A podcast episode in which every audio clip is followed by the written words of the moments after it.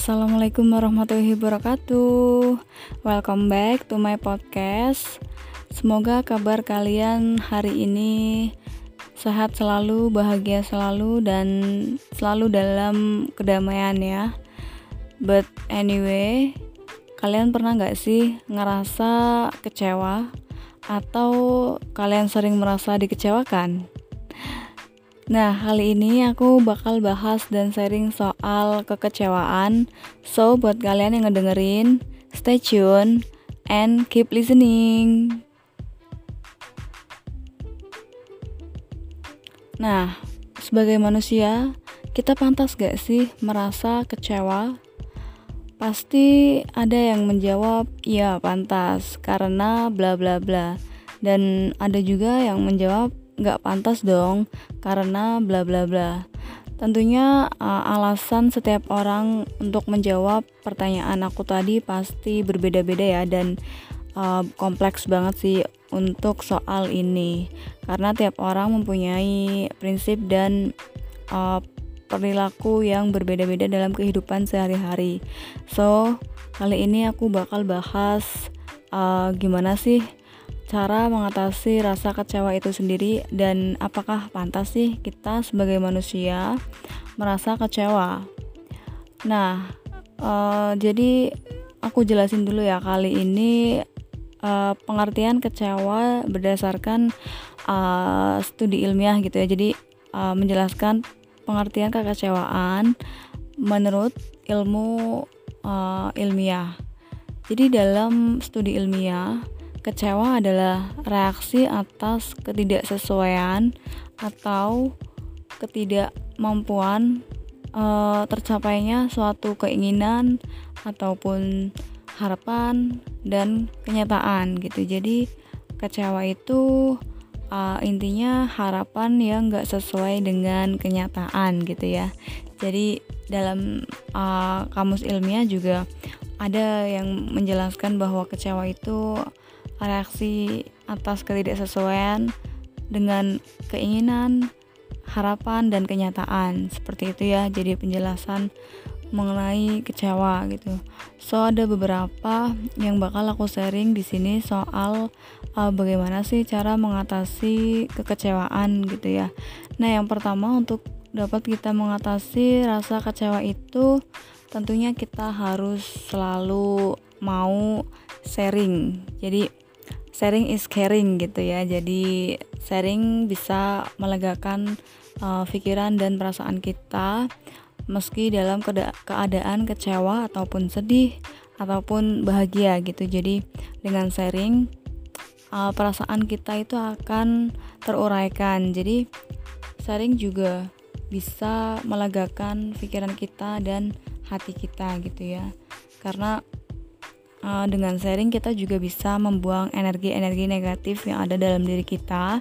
Tentunya juga kita harus sharing dengan orang yang tepat ya, entah itu dengan sahabat, teman ataupun uh, yang expert di bidangnya gitu ya, secara uh, konsultan atau uh, sejenisnya gitu. Jadi kita harus uh, sharing juga pada tempat yang tepat dan mm, mereka itu bisa memberikan solusi dan menangkap apa yang kita uh, ceritakan atau kita share kepada mereka gitu ya. Dan tentunya uh, harus dengan orang yang kita percaya. Jadi uh, kita sharing juga nggak sembarangan gitu ya. Dan uh, jatuhnya kalau kita sharing dengan sembarangan orang juga kan pasti uh, malah bikin stres juga kan kalau misal rahasia kita bocor atau uh, yang di, yang kita sharingin itu ember gitu ya. Jadi kan uh, kita juga makin stres gitu ya. Jadi kita juga perlu sharing ke orang yang tepat dan kita percaya gitu. Selanjutnya untuk mengatasi rasa kecewa kita tentunya harus uh, menuangkan rasa atau perasaan kita itu uh, dengan cara menulis sih. Jadi uh, dengan menulis juga kita bisa menguraikan emosi kita atau perasaan kita seperti kecewa itu. Jadi kita tuangkan dalam sebuah tulisan. Jadi itu juga bisa ya buat uh, mengatasi rasa kecewa. Karena uh, dengan menulis kita juga uh, secara tidak langsung uh, menuangkan emosi gitu ya. Jadi kita pasti juga akan merasakan kelegaan dalam perasaan dan pikiran kita. Dan menurut ahli syaraf di University California juga uh, beliau seorang ahli syaraf yang uh, meneliti soal uh, jaringan otak gitu ya. Jadi beliau ini mengatakan bahwa dengan menulis juga kita bisa mengekspresikan atau menuangkan rasa atau perasaan kita lewat uh, torehan pulpen kita dalam sebuah kertas. Dan itu juga merupakan uh, pengakuan emosi kita gitu secara tidak langsung dan uh, dengan menuangkan tulisan kita kita juga bisa membuat lega pikiran dan hati kita. Jadi dengan menulis juga uh, menurut ahli syaraf di Universitas California ini juga dianjurkan gitu sih. Jadi buat mungkin kalian yang nggak punya tempat sharing yang dipercaya gitu ya bisa dengan menulis gitu entah apa pun yang kalian rasa gitu tulis aja. Dan itu uh, insya Allah sih bisa mengurangi uh, rasa kecemasan atau kecewa dan lain sebagainya dalam diri kalian. Gitu. Dan yang selanjutnya kita um, untuk mengatasi rasa kecewa itu tentunya harus uh, bersabar dan ikhlas. Jadi dengan bersabar dan ikhlas tentunya kita uh, menerima ya. Jadi menerima apa yang sudah terjadi dan uh, kita bisa memaafkan diri kita sendiri karena kita sudah bersabar dan ikhlas. Jadi itu juga bisa membuat kita menjadi lega dan uh, lupa akan rasa kecewa itu sendiri. Jadi hmm, yang selanjutnya juga kalau misal kalian masih merasa kecewa nih dengan apa yang sudah terjadi gitu dalam hidup kalian ya mungkin ada lagi cara yang lain seperti mungkin kalian butuh re rekreasi hati dan pikiran kalian gitu. Jadi uh, kadang kan ada ya orang yang mungkin dengan rekreasi mereka juga jadi refresh jadi uh, hilang rasa kecewa atau sedih gitu sih. Jadi mungkin dengan rekreasi dan uh, menenangkan pikiran kita kita juga jadi ke refresh lagi nih otak kita dan pikiran kita untuk uh, memulai kehidupan atau menjalankan kehidupan yang lebih positif. Gitu sih. Jadi uh, sebenarnya banyak hal uh, yang bisa kita lakukan ya untuk mengatasi rasa kecewa itu sendiri. Jadi uh, kayak tadi aku bilang sabar dan ikhlas gitu.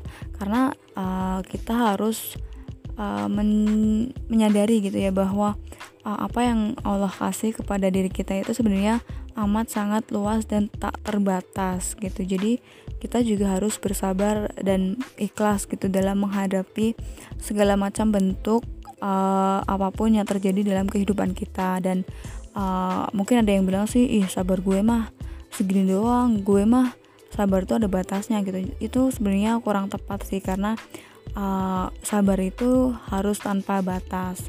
Sama kayak ikhlas. Ikhlas kita juga harus tak terbatas karena seperti nikmat Allah yang kasih uh, kepada hambanya Allah juga mengasihi kita tanpa batas dan tanpa meminta imbalan apa pun gitu ya. Karena kita juga diciptakan sebagai manusia uh, hanya untuk beribadah beribadah kepada Allah dan uh, Allah bahkan membalasnya di luar uh, keinginan kita gitu ya di luar kebutuhan dan keinginan kita. Jadi uh, kalau kita diuji dikit ya kita harus sabar dan ikhlas. Kalau kita merasa kecewa tentunya pasti ada yang salah nih dalam penempatan keinginan atau harapan kita gitu. Jadi kita juga harus uh, merefleksikan diri gitu ya. Harus berkaca diri berintrospeksi diri. Kenapa sih aku jadi kecewa? Kenapa sih aku sering dikecewakan gitu ya? Jadi hmm, kalau dalam pandangan Islam juga uh, tentunya uh, memandang sebuah kekecewaan itu pasti datangnya ya karena manusia itu sendiri gitu ya. Karena uh, kayak aku seorang muslimah gitu ya uh, yang berpedoman bahwa Allah itu nggak akan uh, mengecewakan hambanya dan Allah itu sayang sama hambanya. Hmm, Allah itu nggak pernah memberikan batas ujian di luar kemampuan hambanya jadi kalau kita uh, sadar akan hal itu tentunya kita juga nggak akan kecewa sih karena uh, dalam Islam juga hanya satu sih alasan kenapa kita kecewa gitu. Jadi uh, dari mana sih datangnya kekecewaan? Jawabannya itu cuma satu dari harapan manusia kepada manusia lainnya gitu. Jadi uh, tentunya kalau kita berharap sama manusia pasti ujungnya akan kecewa karena Allah itu maha pencemburu gitu ya.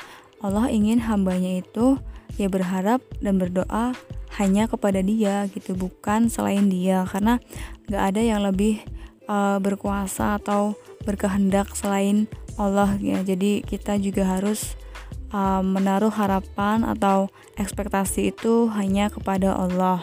Jadi dengan seperti itu kita juga gak akan kecewa gitu. Karena balik lagi bahwa manusia itu uh, diciptakan ya untuk dimuliakan gitu ya dan dibahagiakan. Bukan diberi harap gitu. Jadi kalau kita udah uh, memberi harap kepada manusia pasti uh, jawabannya ya cuma satu dan hasilnya ya kita udah tahu sendiri pasti akan kecewa gitu ya. Jadi uh, kita harus memulai dengan menyadari bahwa harapan atau ekspektasi yang kita uh, naungkan atau kita tempatkan itu ya hanya kepada Allah gitu ya. Terus gimana kalau misal ada orang yang uh, sering mengecewakan kita gitu ya tanpa kita berharap kepada dia tapi dia sendiri nih yang berjanji kepada kita.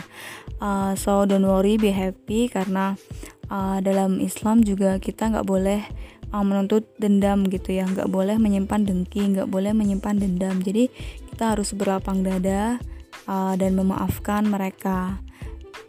Nah kita juga berhak bahagia dengan uh, kita memulaikan dia membahagiakan dia mendoakan gitu ya. Jadi balasan terbaik untuk orang yang mengecewakan kita ya mendoakan dia gitu dan membahagiakan dia gitu ya. Dalam setiap doa kita entah habis sholat fardu ataupun sholat sunnah gitu ya kita selalu uh, mendoakan mereka orang-orang yang uh, sering atau pernah mengecewakan kita.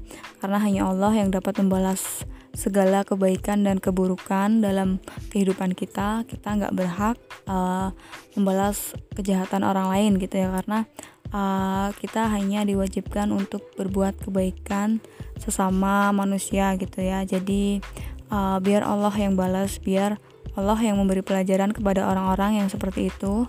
Uh, kita tetap berbuat baik bagaimanapun perlakuan orang lain kepada pada diri kita. Uh, kita nggak usah mengurusi itu karena itu bukan urusan kita. Biar kita mengurusi bagaimana cara kita terus berbuat baik kepada sesama karena itu kewajiban kita ya. Jadi uh, kita itu nggak bisa nih selalu uh, menyalahkan keadaan gitu ya. Dengan uh, kita menyadari hal itu pasti kita juga akan lebih uh, mengurangi rasa kecewa itu sendiri gitu ya. Jadi kalau dianalogikan itu ya jika kita mempunyai sebuah kunci A nih terus kita gunakan untuk membuka kunci B kunci pintu B gitu ya. Jadi nggak akan kebuka dong pintunya karena yang kita mm, ambil itu kunci A sedangkan kita ingin membuka uh, pintu kunci B pasti nggak akan kebuka. Jadi kalau kita ingin membuka pintu uh, pintu A tentunya kita juga harus menggunakan kunci A gitu ya. Jadi simpel aja sih. Jadi kita nggak boleh berharap sama selain Allah. Kita nggak boleh terlalu berekspektasi di luar batas tanpa melibatkan Allah gitu ya. Jadi uh, selalu berharap sama manusia nih gitu. Baper nanti jatuhnya kalau uh, kita dikecewakan. Ya salah kita sendiri karena kita juga gak berharap dan menaruh keinginan kita pada Allah gitu ya. Jadi uh, sekali lagi kalau uh, kita merefleksikan diri kita itu penting banget. Jadi kita juga akan merasakan dan memahami diri kita sendiri dan uh, pasti tentunya bakal tahu ya apa sih yang terjadi dalam pikiran kita dan apa sih yang salah dalam uh, penempatan atau uh, penetapan prinsip-prinsip kita dalam hidup gitu. Jadi uh, balik lagi ke tadi ya karena fungsi manusia itu uh, untuk dimuliakan dan dibahagiakan cukup dengan seperti itu kita melakukan memperlakukan manusia. Jangan uh, kita naruh harapan gitu ya ke manusia karena uh, berharap itu hanya kepada Allah Allah itu nggak uh, mau hambanya itu berharap kepada selain Dia. Jadi terus kita harus tetap berharap sama Allah dan nggak uh, ada Allah selain uh, yang kita pintai gitu ya. So sebenarnya itu simple banget untuk kita menghilangkan rasa kecewa atau mengatasi rasa kekecewaan yang hadir dalam diri kita. Jadi uh, sekian dulu untuk sharing aku kali ini. Mungkin buat kalian yang pengen uh, sharing ke aku juga bisa ya lewat voice message di anchor aku. Langsung aja di voice message akunya ya. Nanti aku juga bakal bales dan sharing gitu ya. Jadi kita juga bakal uh, lebih mengetahui gitu dan uh, lebih banyak uh, ilmu yang bisa di sharing gitu dan lebih bermanfaat gitu ya so uh, mungkin itu dulu yang bisa aku share. Makasih banget udah ngedengerin sampai akhir. Uh, thanks aku Dila. Bye bye